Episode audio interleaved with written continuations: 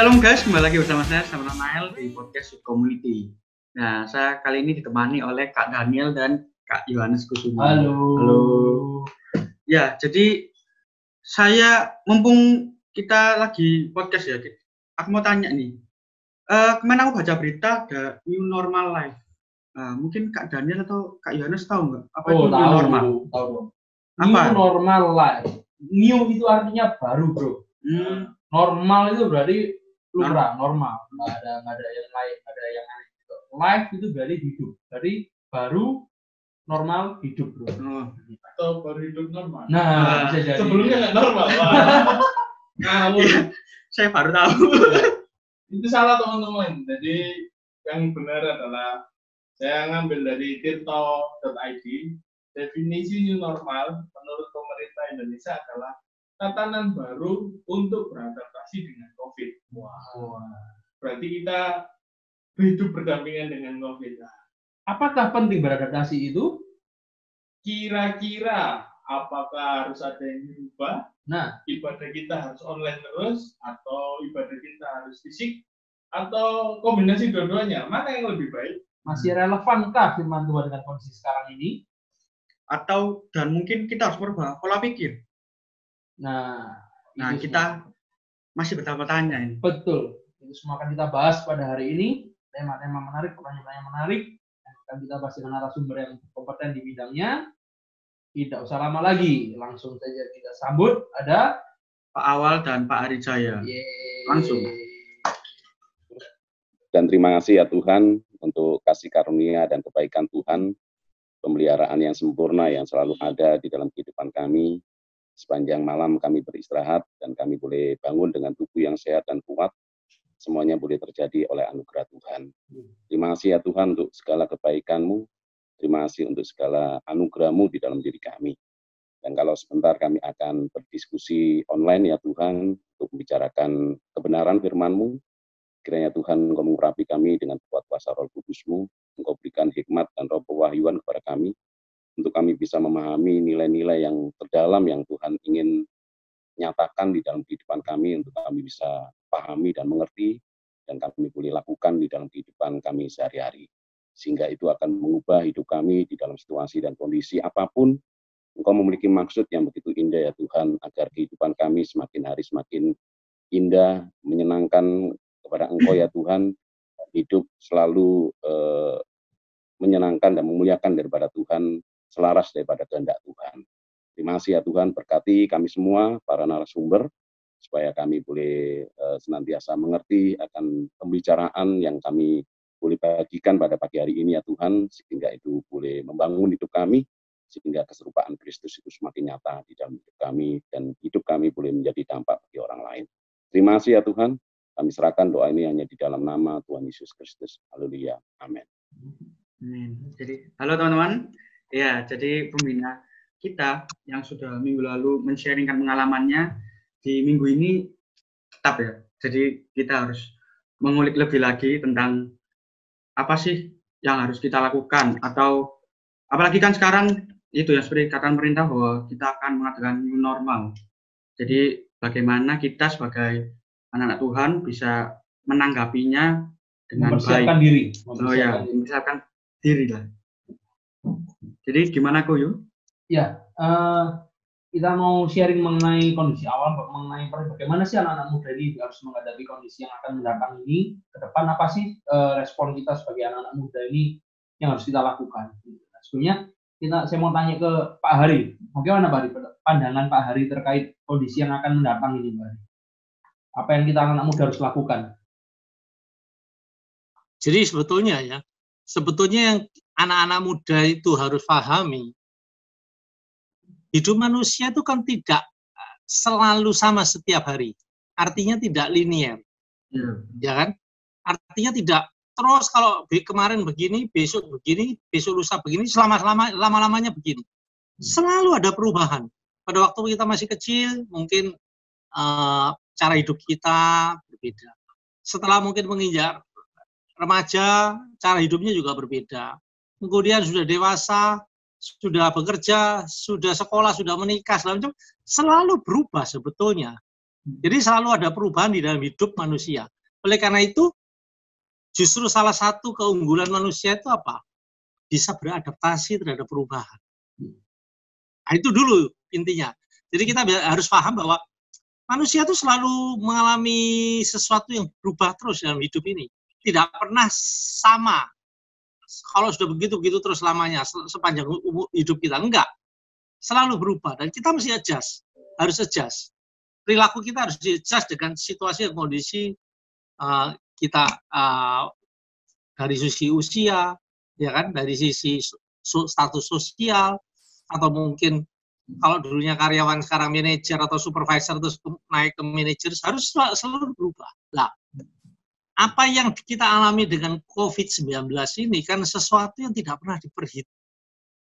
Sebetulnya manusia dalam hal ini agak gagap menanggapinya, semuanya, seluruh dunia. Karena apa?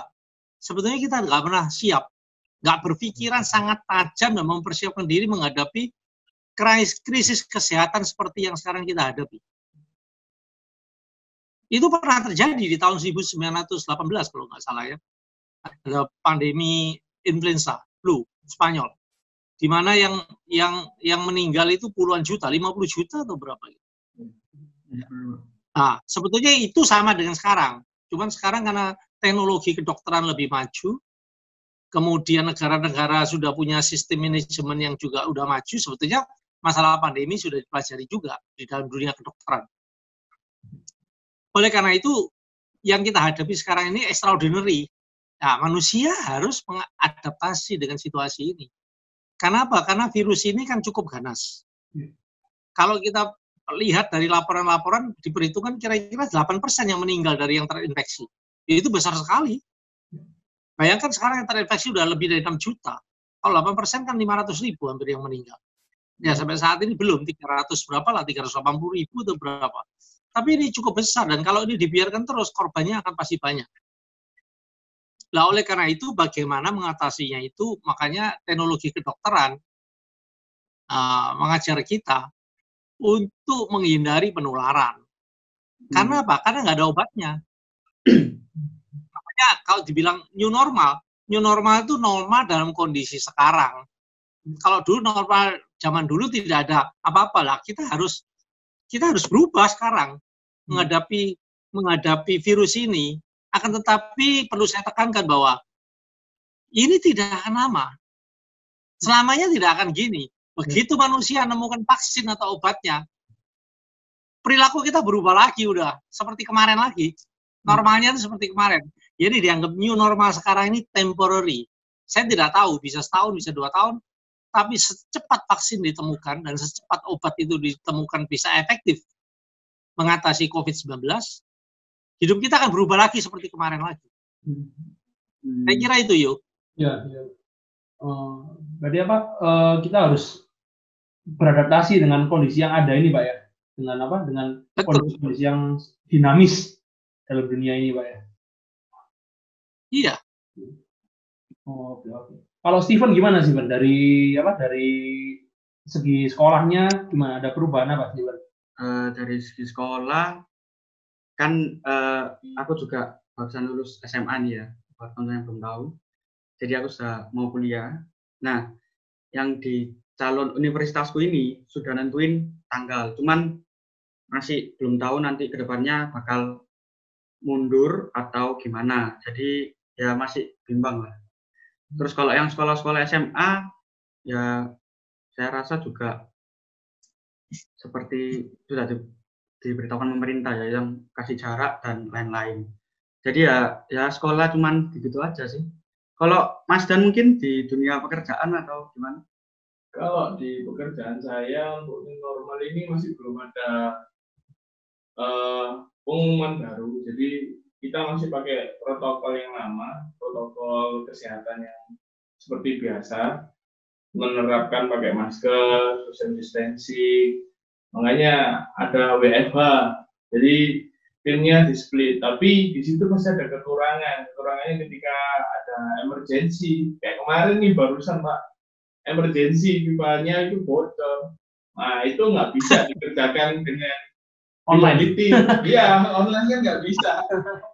kan harus dibagi tim kalau masuknya kan dibagi tim harusnya masuk full dibagi tim jadi dua tim nah dikerjakan sama satu tim itu enggak enggak mumpuni jadi ya kita harus pandai-pandai adaptasi lah pengaturan jadwal terus pengaturan pola hidup jadi saya pernah baca uh, literatur kalau manusia diberikan kebiasaan baru dalam waktu kurang lebih 30 hari.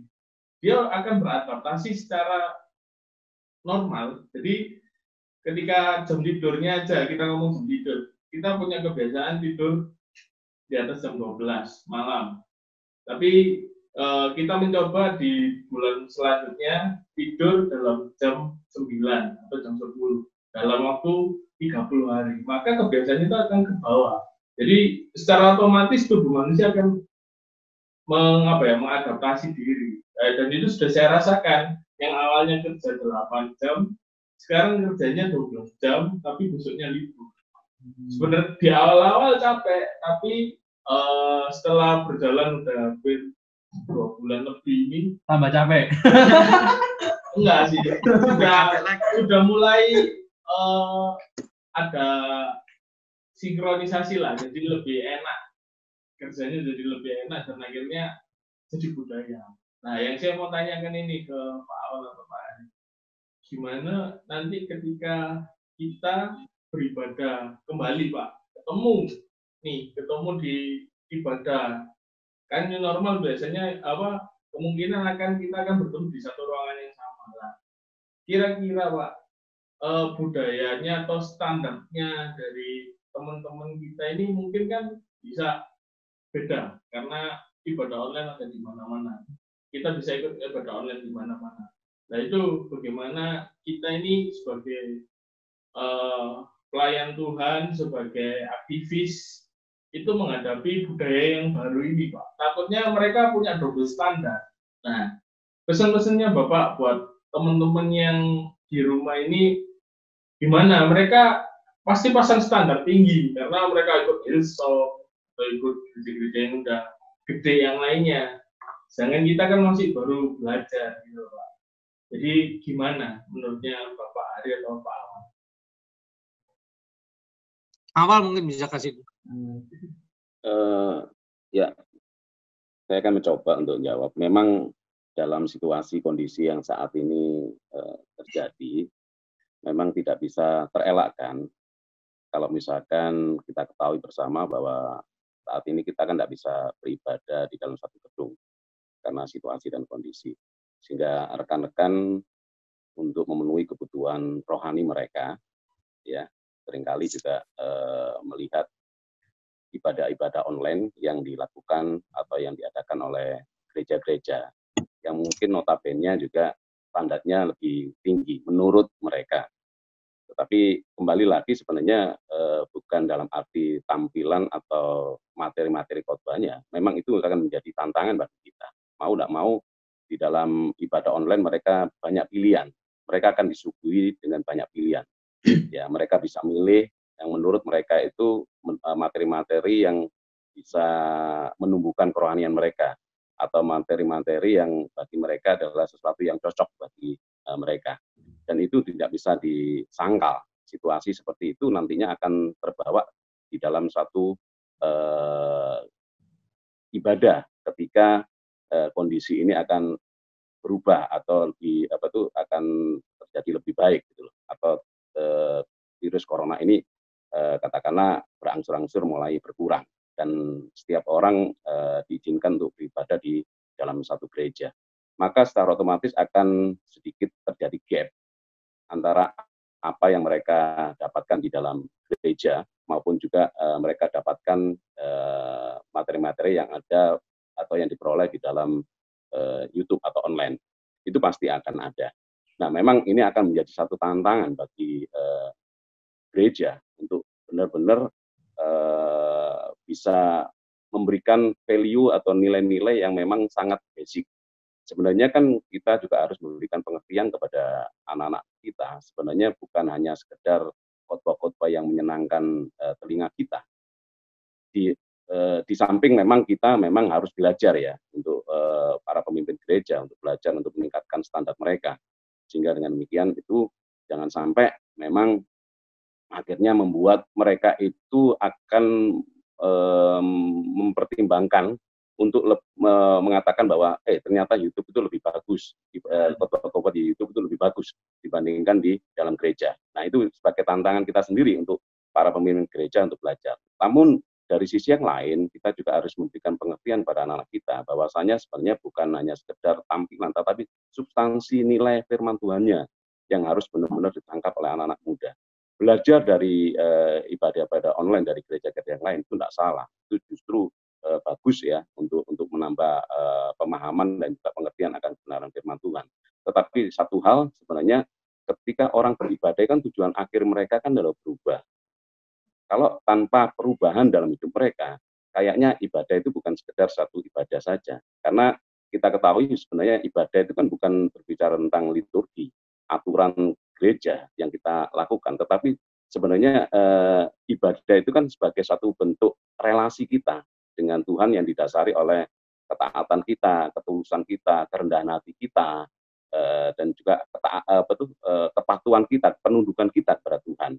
Dan itu kan harus diaktualisasikan dalam hidup. Jadi sebenarnya kita harus memberikan pengarahan dan pemahaman pada anak bahwa pentingnya ibadah itu sebenarnya adalah suatu bentuk perubahan dalam hidup yang harus diaktualisasikan di dalam kehidupan kita sehari-hari. Bukan sekedar uh, bagaimana kita itu mendengar uh, khotbah atau renungan orang lain hanya sekedar untuk mengisi pemahaman kita, logik kita, tetapi itu harus kita aktualisasikan dalam hidup kita. Hmm. Kalau dari Pak Hari, mungkin ada masukan, Pak Hari? Ya, kalau menurut saya ini justru kesempatan yang sangat bagus untuk gereja. Hmm. Banyak belajar. Karena kita bisa bisa melihat uh, uh, uh, standar ya, standar pemahaman, standar pembelajaran, standar standar nilai-nilai yang sangat tinggi dari hamba Tuhan yang sangat berpengaruh di dunia ini. Jadi sebetulnya bagus sekali untuk anak muda. Nah, pertanyaan Daniel tadi itu kan bagaimana kita? Hmm. Justru sebetulnya ini opportunity. Kenapa? Karena kalau anak-anak muda itu searching Google, uh, searching searching khotbah di semua aspek khotbah, bawa materi itu ke dalam pertemuan-pertemuan seperti ini hmm. diskusikan apa yang mereka dapat, prakteknya kira-kira seperti apa, dan semuanya akan belajar bersama-sama. Jadi bukan bukan persaingan di di sini, tapi justru di sini saya melihatnya bagaimana kalian sebagai pengurus ya, pengurusnya hmm. ini itu mengkomplement komplement ini saling melengkapi apa yang ada di luar itu dan yang apa yang kita kembangkan karena tujuannya kan sama tujuannya supaya nilai-nilai hidup anak-anak muda ini berubah sesuai dengan perasaan dan pikiran Kristus. Ya kan? Ya. Nah, kita dapat masukan yang sangat hebat dari luar ini yang sangat bagus dan yang di bawah yang yang yang kita itu yang yang sebetulnya kita juga punya tujuan yang sama untuk membina jiwa-jiwa. Lah, pemahaman itu mari di, di, disatukan di dalam kelompok-kelompok ini. Justru itu harus di di apa itu dikembangkan, di develop. Ini bukan threat. Ya, ini bukan ini bukan bukan halangan untuk untuk gereja bukan ini justru komplement ya. ini bisa menimbulkan uh, bisa menimbulkan apa itu namanya satuan sinergi ya, ini sinergi ini sinergi karena kalau saya kalau sudah kondisi kayak gini saya dengar khotbah memang terus terang bukan dari gereja bukan dari ya kadang-kadang dari MDC mungkin dari mana GPCC mungkin dari Pak Pak siapa itu namanya? Uh, yang di Bali itu siapa? Timotius. Pak Roni. Bali siapa Bali? Bali? Pak Roni Daud. Bukan. Bukan. Bosnya lagi. Pak Arifin. Pak Arifin, ya. Hmm. Kita sering dengerin. Bahkan kita dengerin dari dari luar negeri ya Pak, Pak Rick Warren bicara. Hmm. Ya, Joel Austin. Kemudian yang lain-lain. Justru itu menurut saya mengkomplement pemahaman kita makin luas, makin broad. Nah, itu di berarti teman eh, teman-teman pengurus ini perlu mengadakan forum-forum diskusi. Mereka dapat apa dari luar? Justru itu mungkin bisa di-develop. Sehingga kita semua mendapat kemajuan yang levelnya sama. Semua berkembang. Karena anak-anak muda yang dilayani dan pengurus ini kan harus berkembang juga terus sama. Jadi menurut saya ini sangat bagus. Jangan dipakai ini sebagai sebagai threat atau halangan untuk kita melayani anak enggak. Sebagai Tapi ini justru opportunity Ya. to strengthen ya, untuk memperkuat pelayanan. Bisa bisa ditangkap ya. bisa Bisa, bisa. Untuk untuk untuk jemaat anak-anak muda yang sudah apa itu namanya searching lewat lewat Google, lewat YouTube khotbah apa pelajaran segala macam. Ya, saya menghimbau mereka kalau dapat nilai-nilai itu di-sharingkan. Tadi Pak Awal bilang dilakukan dulu. Hmm. Jadi konsep itu hanya jangan cuma ditangkap sebagai pemahaman pengetahuan, tapi dijalani. Ya, kayak kalau kita yakin ini kebenaran yang memang menolong kita, ya hidup bersama Tuhan, makanya dijalani kemudian di-sharing ke teman-teman yang ada di lingkungan GPPS ini. Youth sehingga mereka pun juga ikut membantu menolong yang lain untuk memiliki pemahaman yang lebih dalam dan lebih luas lagi. Iya. Menjawab itu yo. Iya Pak, saya mau tanya nih ke Pak Awal dan Pak Ari juga. Maksudnya sebelum sebelum ada kondisi ini, Pak Awal, Pak Ari, sebelum ada kondisi ini kan eh, kita banyak me- apa ya mengajak jemaat kita atau apa untuk rajin beribadah, taat beribadah, berbakti setiap minggu ke gereja untuk beribadah. Nah, eh, mungkin banyak dari apa ibadah streaming ini mungkin beberapa gereja sudah melakukan dari lama ya sebelum ada kondisi pandemi ini.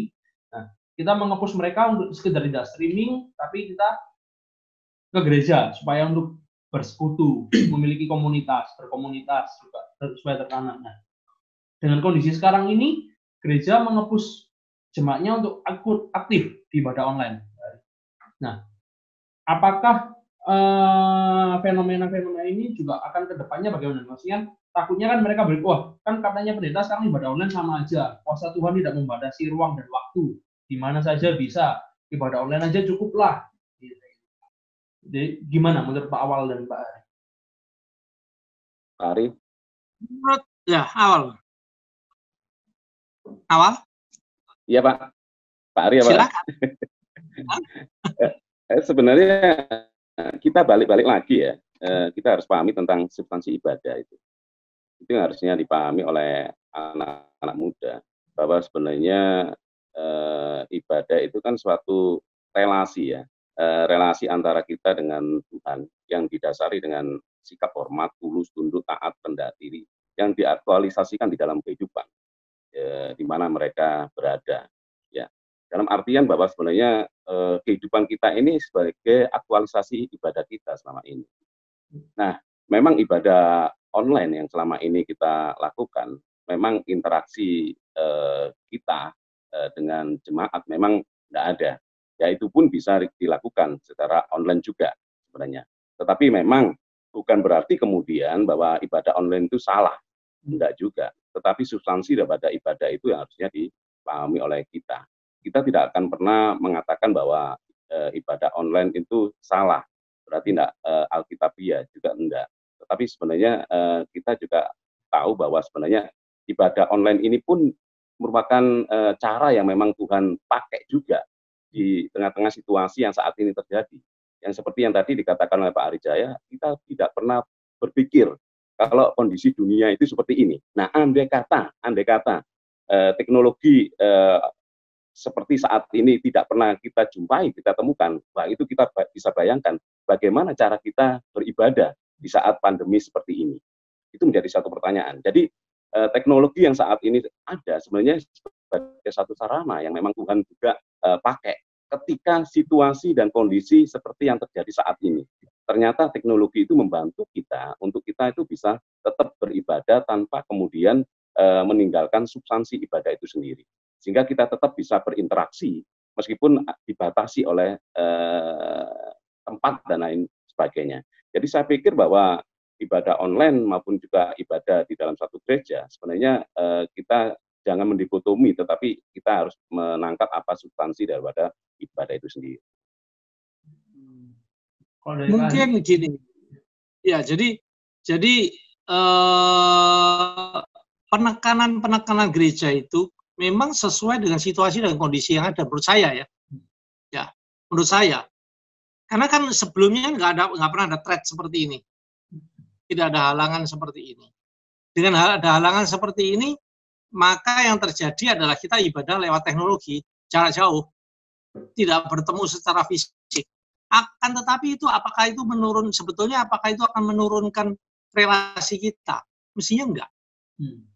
Justru gini ya, beribadah bersama-sama memang yang ditekankan beberapa kelompok ya, karismatik, Costa. Kan kan kita tuh sering kali dapat slogan retorik gini, e, rasakan hadirat Tuhan. Lah masa kita ada doa di oma nggak ngerasa hadirat Tuhan, hmm. ya kan? Yeah. Jadi ini yang jadi yang jadi threat ini bagi beberapa kelompok yang selalu dalam dalam apa dalam ibadahnya itu menekankan penekanan-penekanan perasaan yang mungkin terlalu berlebihan. Hmm. Di dalam konteks seperti ini sebetulnya kalau kita berdoa di rumah pun ya kita bisa merasakan hadirat Tuhan. Kita bisa bisa menangkap pimpinan Tuhan dan sebagainya. Sebetulnya itu harus dilatih sendiri-sendiri terus berada dalam satu kelompok. Jadi kalau akhirnya kita sekarang menggunakan teknologi seperti ini, apakah nggak bisa itu? Bisa juga. Nggak ada bedanya Malah sebetulnya kalau kita, saya berbi kalau kita berbicara jujur ya, sharing begini sebetulnya lebih gampang atau lebih susah? Ya, kalau pakai teknologi. Lebih gampang begini, sebetulnya lebih gampang. Kenapa? Kita nggak usah jauh-jauh, kita nggak usah ke rumah, kita janjian, ya bisa janjian tetap. Jamnya bisa. Pakainya teknologi, ada keterbatasannya, oke. Okay. Tapi justru keterbatasan kalau untuk mau kumpul gini loh tiap minggu, saya loh buktinya saya, saya kan ini bisa terus empat minggu ini nonstop. Ya, ya, ya. Kalau enggak mana bisa. Sebetulnya pakai teknologi lebih efektif. Dan ini teknologi ini disiapkan oleh Tuhan supaya kita lebih efektif berdiskusi, berbicara. Sekarang kalau kita ketemu dengan dengan anak yang kita bina segala macam, kan lebih gampang pakai ini sekarang. Bukan lebih sulit. Jadi kalau Yohanes, kalau tadi ada yang menekankan harus ber, ibadah harus berkelompok, terus sekarang ibadah harus pakai online. Ini karena situasional aja, makanya itu bukan tujuannya. Ya. Itu nggak penting sih sebetulnya. Yang penting itu bagaimana relasi kita dengan Tuhan, menurut Pak Awal tadi, relasi kita dengan manusia yang ada di sekeliling kita, relasi kita dengan jemaat, dan pemikiran kita akan pengembangan jiwa-jiwa, menangkap jiwa-jiwa bagi Tuhan itu terus berjalan. Kalau substansi itu tetap jalan, ini hanya hanya tool saja. Yang bahkan mungkin bisa memperkuat dari sisi, sisi satu tertentu. Contohnya Pak Ari Warren tuh nggak pernah bisa didengar khotbahnya oleh misalkan dalam minggu gini ya. Ya saya dia kan mungkin jemaahnya sepuluh ribu atau dua puluh ribu ya, cuman itu yang bisa dengar dia. Tapi dengan teknologi ini kan mungkin bisa seratus ribu atau dua ratus ribu. Bagaimana nggak firman Tuhan itu makin makin makin dalam, makin tajam. Kemudian kalau kalian lihat di video-video itu bagaimana apa itu namanya uh, penginjilan-penginjilan yang dilakukan, sangat efektif pakai teknologi ini. Sebelumnya nggak bisa. Contohnya kita mau nginjil di daerah tertentu yang di situ fanatik, nggak mungkin bisa masuk gitu. Hmm. Tapi dengan teknologi ini penginjilan ini bisa ke mana-mana, nggak bisa dibatasin. Kalau orang itu tertarik untuk mendengarkan firman Tuhan, ya dia akan cari. Itu yuk. Ya, ya. Nah, itu teman-teman. Berarti yang menarik ya. E, ibadah online atau streaming itu bukan pengganti ibadah, tapi sebagai alternatif kondisi yang mau, tidak memungkinkan bagi kita untuk berkumpul di gereja. Jadi itu sebagai tools, betul alternatif. Jadi jangan sampai karena udah ada ibadah online, kondisi udah kembali normal, kalian jadi nggak mau aktif ke gereja lagi. Jadi gaji itu bukan alasan. Betul, betul, betul. Jadi sebagai alternatif. Ya, karena anak-anak muda itu, anak-anak muda itu kalau dapat nilai, dia harusnya berkewajiban untuk sharing kepada teman yang lain. Ya. Terus dalam kelompok ini, ketika orang-orang lain, jadi tujuannya bukan cuma pinter dewe, enggak. Ya, jadi ketika kita belajar dan mungkin dari gereja lain, dari ibadah lain ini kita dapat dari gereja A, gereja B, gereja C yang mungkin kalian merasa itu lebih baik dari gereja kalian, lebih memberkati dari gereja kalian, uh, opsinya bukan wah yang penting kamu kita berkati ya udahlah di sini aku kerja di sana atau apa enggak tapi bagaimana kita memiliki beban buat komunitas kita sendiri untuk membangun komunitas kita ini juga menjadi memiliki standar yang lebih baik gitu sih jadi belajar untuk memberkati tidak hanya diri kita sendiri yang kita berkati sangat menarik diskusi hari ini. Dan yang penting itu ibadah adalah sebuah relasi. Betul. Itu yang harus diingat. Jadi Iya. alasan kalian cuma ibadah di hari Minggu. Bukan. Ibadah itu bisa kita lakukan setiap hari. Betul. Karena ibadah itu adalah relasi. Iya. Relasi kita sama Tuhan, relasi kita sama orang yang di sekitar kita. Jadi ibadah itu juga harus diaktualisasi katanya Pak Al tadi. Aktualisasi adalah melakukan nilai itu, bukan cuma menerima dan menyimpannya, tapi menerima, menyimpan dan melakukannya. Jadi itu recapnya untuk sesi yang pertama ini. Teman-teman. Dan tools itu bukan ancaman. Tadi Pak bilang bukan threat, bukan ancaman, tetapi justru bisa membantu kita untuk melakukan apa yang tidak bisa kita lakukan sekarang. Contoh mungkin dengan diskusi kayak ini. Mungkin kalau dari Pak Ri sampaikan kalau nggak lewat online gini mungkin susah untuk bisa bertemu dengan Pak Ari kita bisa diskusi bareng kayak gini. Tapi dengan dari tools membuat hal yang tidak bisa kita lakukan menjadi bisa kita lakukan. Jadi bukan pengganti tapi pelengkap. Jadi nggak ada alasan kalian buat nggak care ya teman-teman. Nah, Jadi tetap kalau kalau ada ajakan care, kiriman join zoom dari care leader, jadi nggak ada Nah. alasan kalian nggak bisa. yang biasanya nggak ada transport tak sama mama nggak boleh pulang malam. Nah ini kalian udah di rumah nggak perlu transport cukup kuota. Oh, Ya, ini, jadi- ini menurut saya kesempatan yang bagus sekali untuk kalian. Iya. Ini kesempatannya bagus. Cuman jemaat ini harus diberi diberi pengertian. Seperti yang kita diskusikan materi pertama, memberi yang terbaik. Kan pernah kan kita? Iya. Iya. Ya, minggu lalu. Minggu lalu. Ya. Jadi jemaat harus ngerti, anak-anak muda ini kalian itu datang beribadah kepada Tuhan itu bukan cuma menerima saja atau menuntut saja kepada pengurus dan sebagainya. Tapi kalian harus belajar memberi kepada Tuhan. Memberi kepada Tuhan itu artinya memberi kepada sesama, teman-temannya, termasuk kepada yang di atasnya, yang kedudukannya lebih tinggi, pembina misalkan. Memberi perhatian, memberi nilai. Kalau kalian dapat nilai yang sangat bagus dari luar, Pak Rick Warren misalkan, atau siapa pun, nah, kalian bisa share itu, saling memperkuat. Jadi tujuan ibadah itu uh, bukan cuma menerima. Gitu. Tapi ada yang menarik pak terkait adaptasi tadi pak. Sekarang anak-anak juga trennya beradaptasi mencari alasan pak. Kalau yang lalu care nggak ada transport jamnya malam, sekarang alasannya adaptasi nggak ada kuota. Pak. Ya ngomong aja yuk. Karena karena kita kan karena kita kan nggak Loh. ngasih persembahan yuk. Tapi begini, tapi gini, yo, jadi jadi salah satu tadi yang disampaikan Pak Awal itu bisa jadi, loh kalian kan sekarang nggak ada persembahan kan? Belikan kuota jangan untuk main game. Nah Ya, itu pak, sedihnya itu pak, sedihnya itu ketika ngomong buat care nggak ada kuota nggak ada apa bisa main game pak. Ditanya katanya ya kan udah seharian belajar waktunya refreshing memang kacau pak. Nah itu namanya nggak mau maju memang, memang nggak mau nyembah Tuhan kok terus gimana nggak bisa dipaksa. Alasannya Tapi ini lebih, iya karena ini jauh lebih bagus. Kalau kuotanya kurang ya udah kita tombokin kuotanya, lebih gampang kan? Iya kan? Siapa? Ya. Kita tombokin foto anak dua puluh lima ribu sebulan, tapi Eh. harus disiplin. Nah, Ya. boleh juga sebetulnya. Ayo. Tapi nanti habis itu main gamenya 8 jam, care-nya setengah jam, Mbak. Wah berat. Itu namanya nggak punya integritas yang seperti kita diskusikan. Iya, Pak. Integritas itu integritas itu harus bertanggung jawab terhadap terhadap hidup ini gitu loh secara keseluruhan. Nah kalau mau main game loh, kalau menang ya nggak dapat apa-apa. Ya kan? Nah. Nggak ada hasilnya main game itu.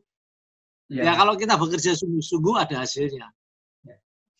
Ya, jadi buat teman-teman yang mungkin di luar Yudkom nggak tahu care itu apa yang kita bahas. Jadi care itu eh, komsel. Komsel. komsel, kelompok Kecil. di Yudkom ini. Yudkom.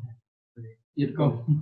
Jadi di care itu kita bisa sharing, bisa cerita-cerita, terserah lah. Jadi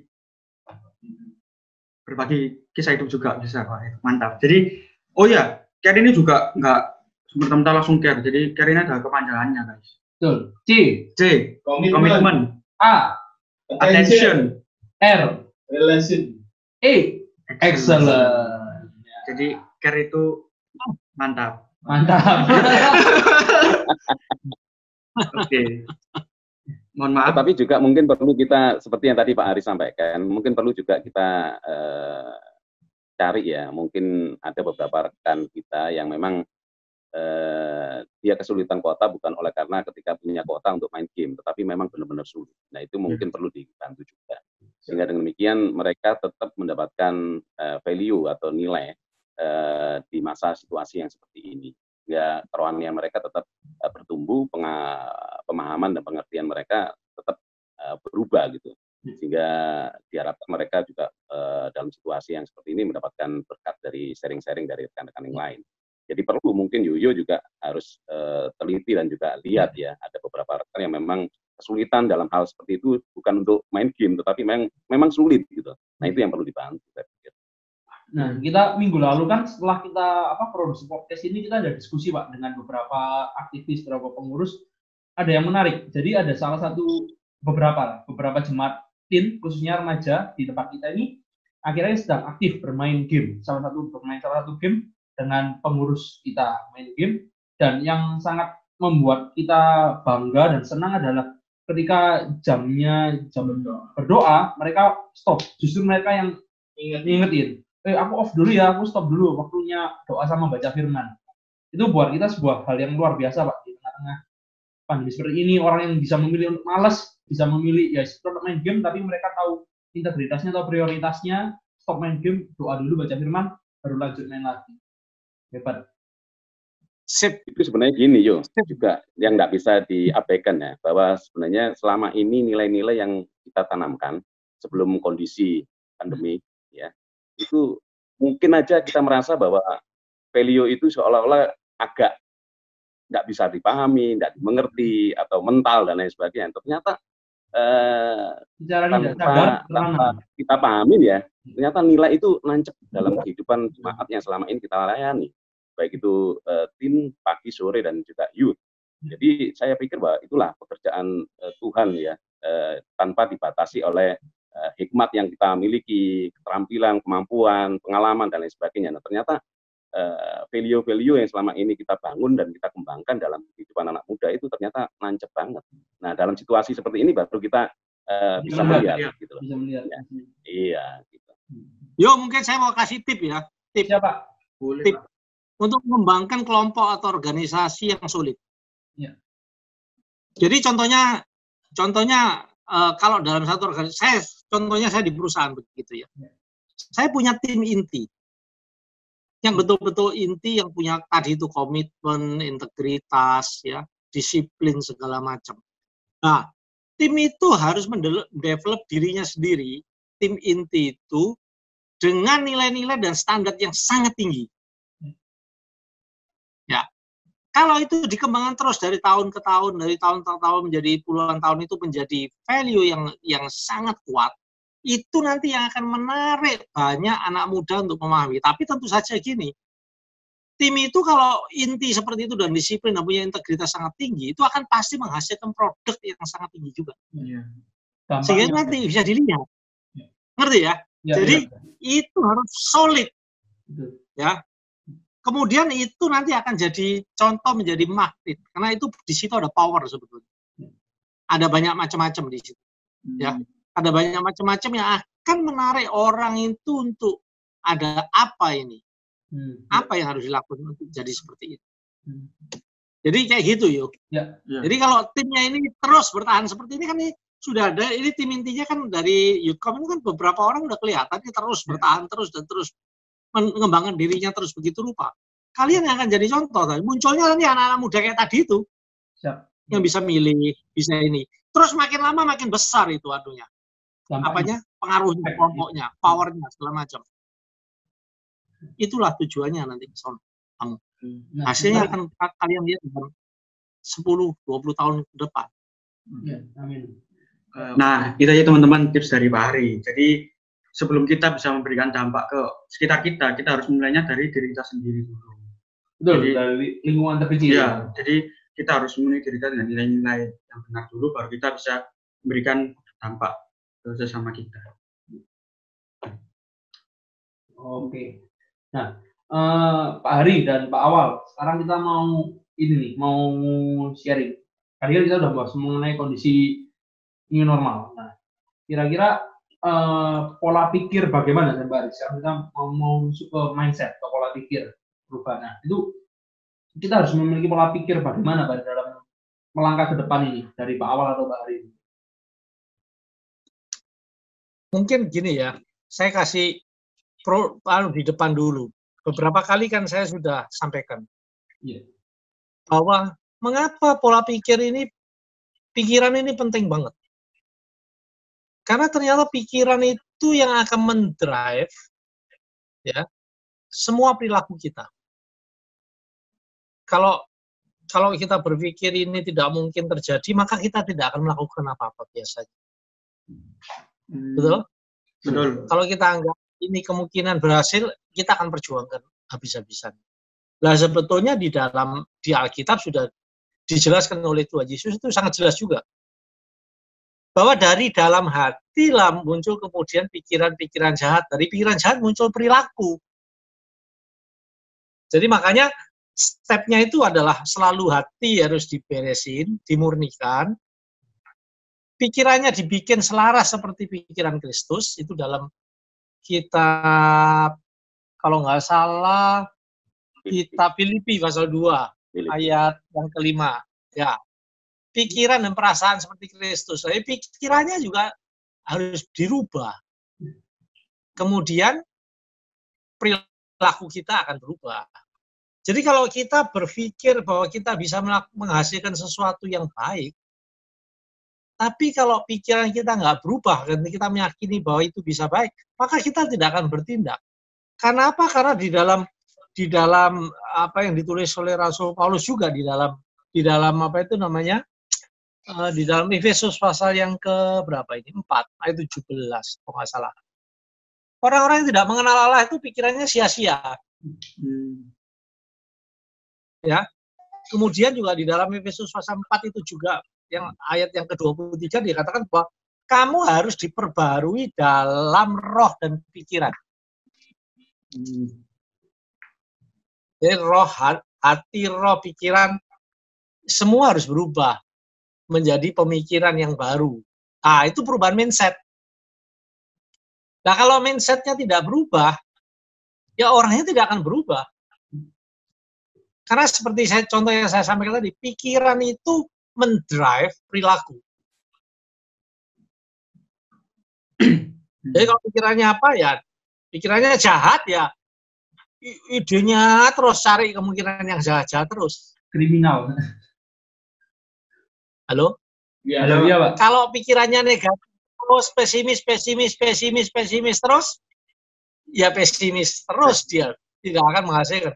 Makanya saya tadi kan katakan, tipnya salah satunya adalah kalau organisasi ya, ya. orang-orang yang sehati sepikir solid, walaupun jumlahnya cuma satu, dua, atau tiga, terus diperjuangkan itu dengan ini pikirannya dirubah, mindsetnya, nilainya berubah, semua paradigma berubah, perilaku berubah, menghasilkan sesuatu yang terus solid, bagus, standar sangat tinggi, maka akhirnya akan menarik banyak orang pasti datang. Ya. Karena nanti orang-orang yang punya standar sangat tinggi dan solid ini, dalam perjalanan waktunya pasti sukses. Nah kalau seorang sukses itu diikuti, di follow sama yang lain. Pasti. Jadi kita nggak usah risau kalau ada anak anak didik kita eh masih belum perform dan nggak masalah. Tapi yang betul-betul solid yang bisa mengikuti itu dulu itu jadi harus jadikan tim yang inti.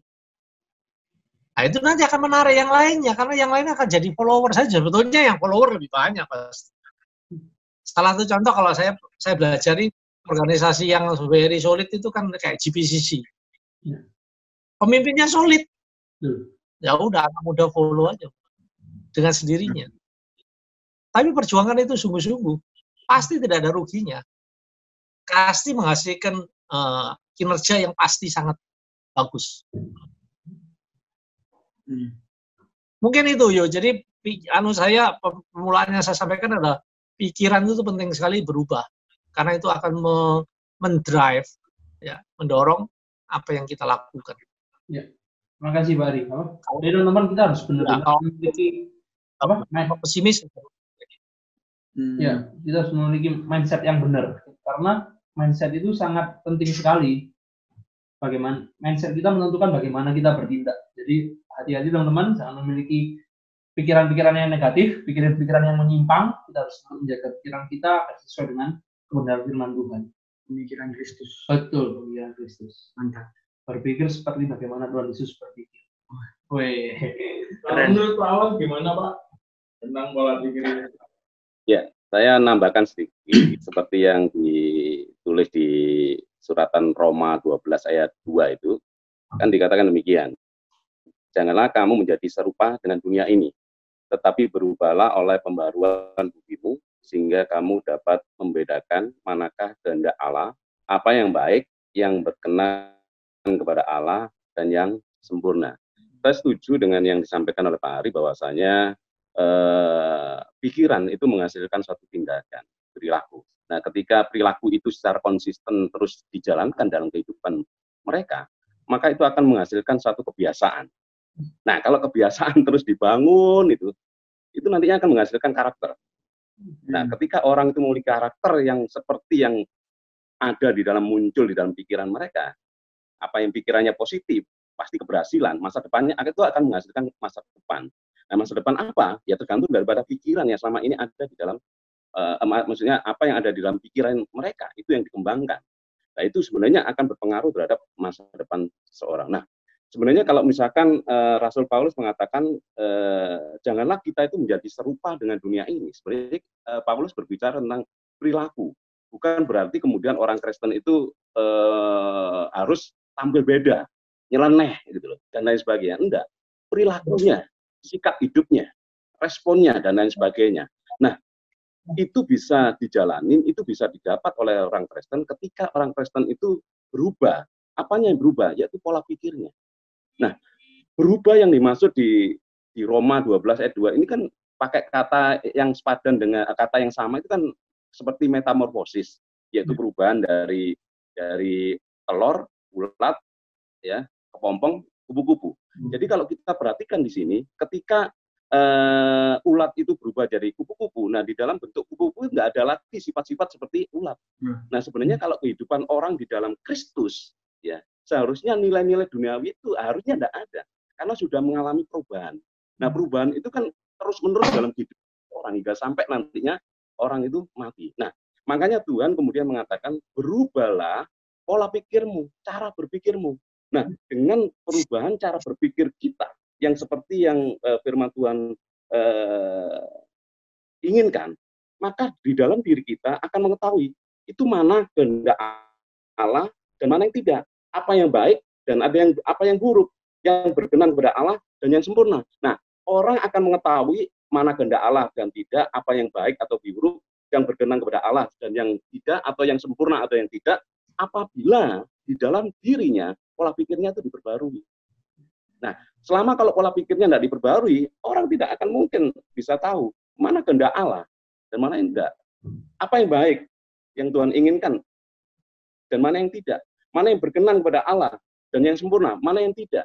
Orang tidak akan ada. Makanya orang Kristen itu harus terus-menerus di dalam kehidupannya itu pola pikirnya itu diperbarui sehingga akhirnya hingga sampai kita memiliki pola pikir seperti Kristus. Makanya penting sekali dalam situasi kondisi yang seperti ini, tetap kita itu menanamkan value dalam kehidupan anak-anak kita.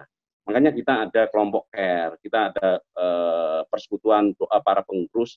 Sebenarnya itu kan bukan sekedar hanya kumpul untuk membangun eh, kesolidan aja, tetapi sebenarnya membangun nilai sehingga nantinya kesolidan itu akan tercipta dengan sendirinya. Dan nilai kita sama, sehingga perbaruan di dalam pola pikir itu akan mempengaruhi perilaku, dan perilaku itu akan mempengaruhi daripada kebiasaan, dan kebiasaan itu akan membentuk karakter dan karakter yang demikian akan menghasilkan apa yang disebut dengan masa depan yang memang Tuhan maui dalam hidup kita. Iya. Menarik, Itu. menarik ya teman-teman. Jadi ketika kita tadi di sesi awal kita membahas soal adaptasi, bagaimana kita harus beradaptasi dengan kondisi-kondisi yang selalu berubah-ubah, cara kita harus memiliki mindset, itu kita juga harus belajar bahwa bukan nilai Kristus yang berubah dalam hidup kita, bukan kebenaran itu tidak pernah berubah. Tapi bagaimana kita bisa mengaplikasikannya melalui kondisi-kondisi yang sedang terjadi sekarang. Jadi memiliki mindset Kristus itu sangat penting banget teman-teman. Jadi kita harus melatih diri kita untuk tetap hidup konsisten sesuai dengan kebenaran firman Tuhan. Itu sih yang saya dapat dari dari penjelasan Pak Hari dan Pak Awal. Kalau Mas Dan gimana Mas Dan?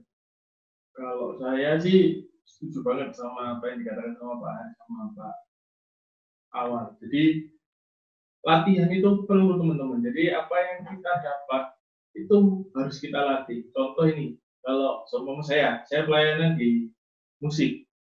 Ketika saya dapat sesuatu, insight atau saya dengerin lagu dan saya tertarik untuk ngulik, dari ada kata ngulik. Ngulik itu benar-benar saya mendengarkan, benar-benar mendengarkan, saya berusaha cari chordnya yang terbaik, yang minimal harus menyamai sama yang lagu aslinya. Dan ketika saya sudah bisa uh, apa namanya mencari chord itu dengan tepat, maka saya ini harus melatih jari-jari saya supaya jari-jari saya ini nggak kaku. Saya bisa, saya bisa bermain gitar, tapi ketika saya nggak melatih diri saya, saya nggak punya komitmen, saya nggak punya apa namanya, nggak punya integritas untuk saya berlatih, ya walaupun saya dikaruniai karunia talenta sebesar apa pun ketika kita nggak mau melatih itu dan kita nggak punya mindset untuk melatih maka itu akan sia-sia jadi itu nggak akan membuahkan hasil kalau menurut saya jadi latihan itu sangat-sangat penting teman-teman. Jadi harus benar-benar kita lakukan. Gak cuma teori, gak cuma uh, apa namanya kita dengerin aja, enggak. Tapi benar itu tadi kita harus benar-benar melakukan dalam hidup kita supaya apa sih?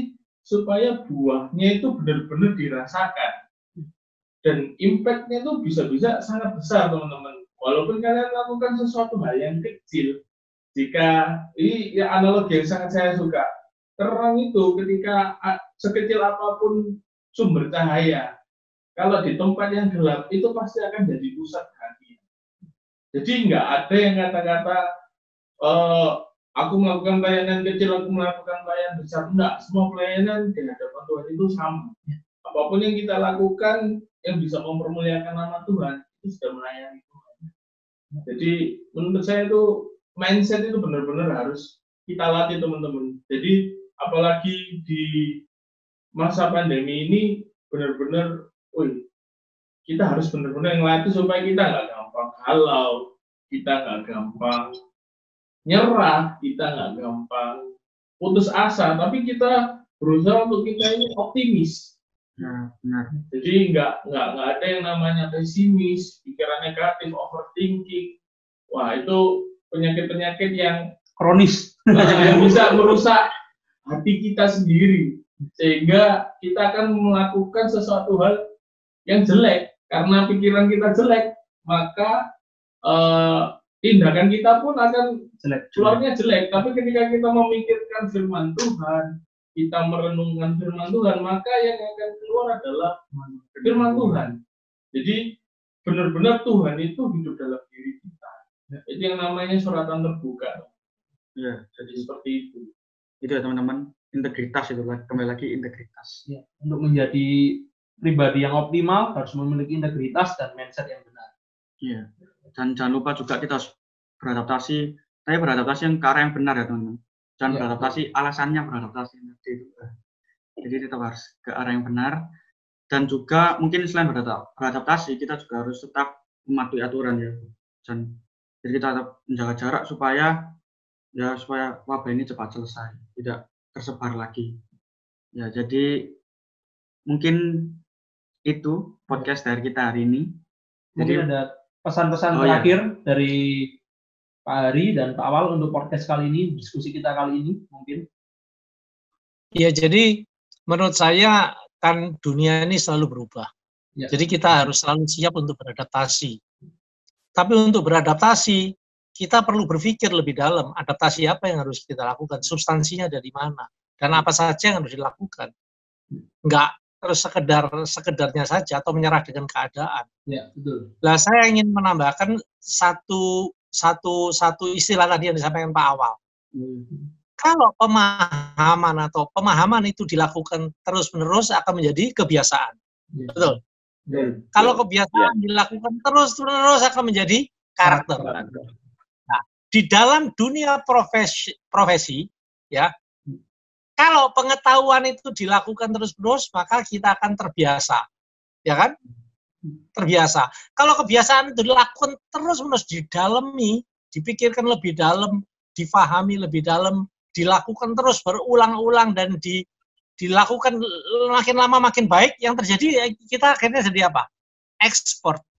Ahli. Ahli. Seperti yang tadi yang dikatakan oleh Dania juga. Pertama tahu nadanya, tapi belum ahli. Ya. Terus dilatih, terus dilatih, terus terus didalami, dirasakan, terus akhirnya jadi apa? Ekspor, ahli dia. Ya. Di dalam dunia anak muda juga begitu. Nah ini ini pesan saya, ekspor itu harus dikejar.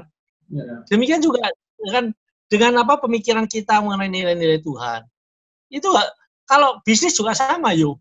Ya. Jadi bisnis itu begini, kita punya bisnis tertentu, terus kita jalanin terus Hmm. kita resapi, kita dalami pema, apa ilmu-ilmunya, kita rasa kita resapi perjalanan apa organisasi bisnis kita atau bisnis kita. Terus kita perdalam, kita pelajari terus akhirnya muncul apa? Expert di dalam bisnis. Nah, itulah yang harus harus dilakukan oleh anak muda. Nah, kalau expert, expertise muncul, orang kalau yang punya expert pasti orang itu punya kelebihan daripada orang lain. Hmm. Makanya kenapa itu sukses orang. Wong dia bayarannya pasti lebih mahal orang ekspor Ya. daripada orang yang S1 lulusan biasa. Betul? Kan? Betul, betul. Ayo. Jadi Betul. kalau pengusaha sudah expert, sudah pengalaman sekali, dia bisa memahami.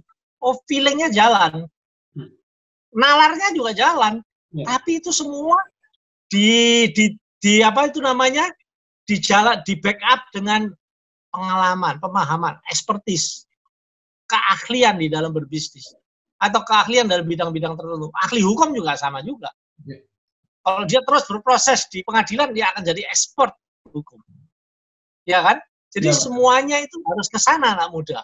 Ya. Makanya kalau kalian terus menuju ke sana, pasti sukses. Amin. Nah itu pesan saya, Amin. itu harus dikerjakan terus. Siap. Nggak boleh berhenti. Pak Awal mungkin ada pesan. Saya satu aja, Hmm. pandemi COVID-19 ini kan mengubah pola hidup yang baru. Dalam artian kita harus mas pakai masker, kita harus jaga jarak, kita harus cuci tangan, rajin dan lain sebagainya untuk menghindari eh, penularan COVID-19. Nah, seharusnya kita sadari bahwa kondisi seperti ini kan bukan satu kebetulan yang Tuhan memang maui dalam kehidupan kita sebagai orang-orang Kristen sehingga eh, memiliki dampaknya. Nah, ketika nantinya eh, COVID-19 ini eh, selesai atau mungkin belum selesai dan kita bisa beribadah di dalam satu gereja, seharusnya sesuatu yang sekecil apa pun yang diizinkan Tuhan dalam diri kita terjadi, itu kan harus merubah hidup kita. Makanya dengan COVID-19 ini harusnya orang Kristen siapa pun mereka, pendeta atau jemaat atau pengurus atau siapa pun mereka, harusnya ada kenaikan kelas dalam hidupnya, ada perubahan hidup yang lebih baik dalam hidup mereka. Baik itu relasi yang dibangun dengan Tuhan, baik itu relasi dengan sesama. Dan ada perubahan di dalam, terutama di dalam mindset mereka, dan sehingga itu kemudian teraktualisasi di dalam kehidupan yang selaras dengan kebenaran firman Tuhan. Jadi intinya adalah situasi kondisi yang saat ini Tuhan izinkan itu harusnya merubah hidup kita, merubah kita, gitu, merubah untuk lebih baik, merubah untuk lebih care, merubah untuk eh, hidup di dalam kebenaran dan pemahaman yang baru. Itu yang memang Tuhan maui. Makanya eh, nantinya setelah kita eh, bisa beribadah di dalam suatu gereja, maka kita akan kita berharap kita menjumpai orang-orang yang sudah berubah hidupnya. Ya. Amin. Ya, teman-teman, jadi eh, tadi ya seki- sekilas diringkas kalau ibadah online itu tidak menggantikan ibadah Biasa di biasa gereja. nanti setelah kondisi mulai normal, tapi justru membuat kita semakin menghargai pentingnya adanya kesempatan dapat bersekutu secara fisik bersama, perjumpaan-perjumpaan bersama, kita saling menghargai kesempatan-kesempatan yang ada. Jadi supaya kita lebih apa ya, lebih sungguh-sungguh lagi. Dan yang kedua, kita harus terus melatih diri kita. Anak-anak muda harus melatih diri kita. Kata baik itu tidak cukup. Kita harus expert, kita harus ahli, kita harus excellent di dalam segala bidang yang kita miliki. Jadi eh, kita harus terus berprogres, tidak hanya berproses, tapi juga harus berprogres dalam kehidupan kita, dalam pengenalan kita akan Tuhan, dalam relasi kita dengan Tuhan, dalam relasi kita dengan keluarga, dengan orang tua, studi kita, apa pun harus memiliki progres. Seringkali itu masih proses-proses, tapi jalan di tempat. Nah, kita harus belajar memiliki progres. Jadi kita ada peningkatan. Tadi yang sampaikan Pak Awal juga next level. Kita harus ada naik kelas. Jadi uh, biarlah pandemi ini uh, masa-masa ini membuat kita menjadi pribadi-pribadi yang lebih excellent, lebih lagi dari segala hal, dari karakter kita, skill-skill kita, apa pun yang kita miliki semua berkembang. Terus tambahan uh, kesimpulan selanjutnya adalah substansi ibadah adalah relasi, relasi kita sama Tuhan. Jadi nggak ada alasan di masa pandemi ini kita nggak punya relasi sama Tuhan. Ya. Dulu waktu keadaan normal belum ada COVID, kita ngomong wah terlalu banyak kegiatan sudah terlalu sibuk. Tapi Tuhan izinkan COVID ini terjadi supaya kita punya banyak waktu benar-benar untuk kita mengenal siapa sih Tuhan kita. Apa sih yang Tuhan mau dalam kehidupan kita? Benar-benar kita mulai nggak bisa menjauhkan diri dari Tuhan karena kalau hidup sekarang ini tanpa kita melekat sama Tuhan, kita nggak punya relasi yang sangat kuat Tuhan, kita akan jadi orang yang gampang terombang ambing dengan situasi dunia ini. Dan kita juga sebagai anak muda harus semakin giat untuk mendevelop, untuk menggali, mengulik apa sih yang jadi passion kita, apa sih yang jadi kelebihan kita, dan itu kita gunakan untuk kemuliaan nama Tuhan. Jadi kita harus mengulik itu, kita harus melatih itu supaya kita punya standar tinggi dan akhirnya itu akan menjadi expert. Jadi itu yang benar-benar nilai yang sangat baik untuk hari ini. Jangan, jangan jangan sampai waktu luang ekstra yang Tuhan berikan buat kita ini tetap kita beralasan kita nggak ada waktu buat Tuhan teman-teman. Tetap ya, semangat tetap optimalkan. Koreksi diri kita masing-masing apakah kita benar-benar selama ini nggak ada waktu atau kita yang males atau kita yang selalu beralasan untuk tidak menjalin relasi dengan Tuhan jadi nggak ada excuse lagi. Kalian nggak ada waktu untuk care, nggak ada waktu untuk baca Alkitab, nggak ada waktu untuk merenungkan Alkitab, nggak ada waktu untuk latihan bagi yang pelayanan musik, ya kan? Bisa kalian saat ini kalian bisa sharing sama teman-teman kalian lewat aplikasi banyak, aplikasi meeting banyak. Terus mungkin kalian juga yang pelayanan musik atau pelayanan apa pun itu bisa kalian tampilkan itu di kalian tetap produktif. ah, tetap produktif lah ini. Ya, Oke. Okay. Nah, sekian mungkin diskusi kita pada hari ini. Terima kasih buat Pak Hari dan Pak Awal yang sudah bersedia berdiskusi dengan kita, meluangkan waktunya, hmm. membahas mengenai materi minggu ini. Dan kita akhiri kita minta dengan hormat Pak Awal untuk menutup kita dalam doa. Saya yang berdoa? Iya, ya, Pak. Oh, berdoa lagi. Tuhan kami bersyukur dan terima kasih hanya oleh anugerahmu saja kalau kami boleh berdiskusi di dalam online ya Tuhan. Ada begitu banyak value yang bisa kami gali di masa pandemi seperti saat ini itu tidak menghalangi dan juga uh, uh, mencegah kami untuk kami bisa memberi dampak bagi kehidupan orang-orang di sekitar kami ya Tuhan. Kami percaya Tuhan bahwa Engkau izinkan segala sesuatu terjadi karena Engkau inginkan untuk kami semakin hari semakin meresponnya secara benar di dalam perubahan hidup yang Tuhan ingin lakukan di dalam kehidupan kami sehari-hari. Berkati Pak Arijaya, berkati Daniel, berkati Stephen, berkati Yohanes, dan hambamu sendiri yang sudah berbincang banyak kebenaran firman-Mu. Kiranya Tuhan Kau pakai kami, dan Engkau tetap urapi kami, dan Kau senantiasa melindungi dan menjaga kami, tutup bungkus kami dengan kuasa darahmu ya Tuhan, sehingga kami boleh dilalukan dari hal-hal yang jahat, hal-hal yang buruk menimpa dalam hidup kami, sehingga kami boleh ada sebagaimana kami ada saat ini itu semua oleh anugerah Tuhan. Dan biarlah ya Tuhan diskusi yang kami lakukan pada hari ini itu juga boleh memberkati rekan-rekan anak-anak muda maupun anak-anak remaja yang nantinya di-sharekan sehingga itu akan memberikan satu pemahaman yang baru sehingga pengertian-pengertian yang baru sehingga itu akan memberikan satu dampak perubahan dalam hidup mereka agar mereka juga memiliki kehidupan yang baru di tengah-tengah situasi kondisi saat ini.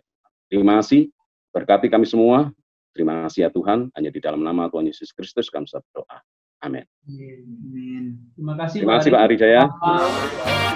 Ya, Tania, Stefan, Yoyo.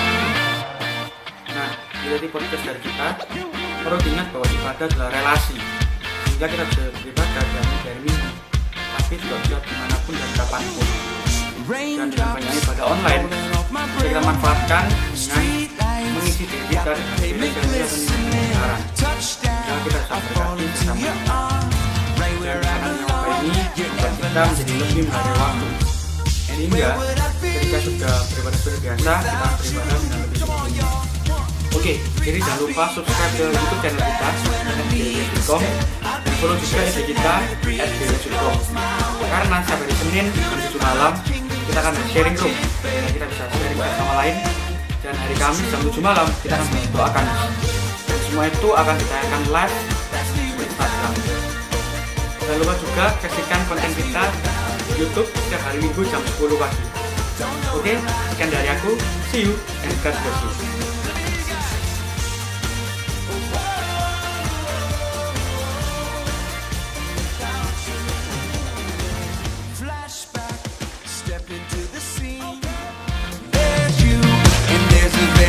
did for me.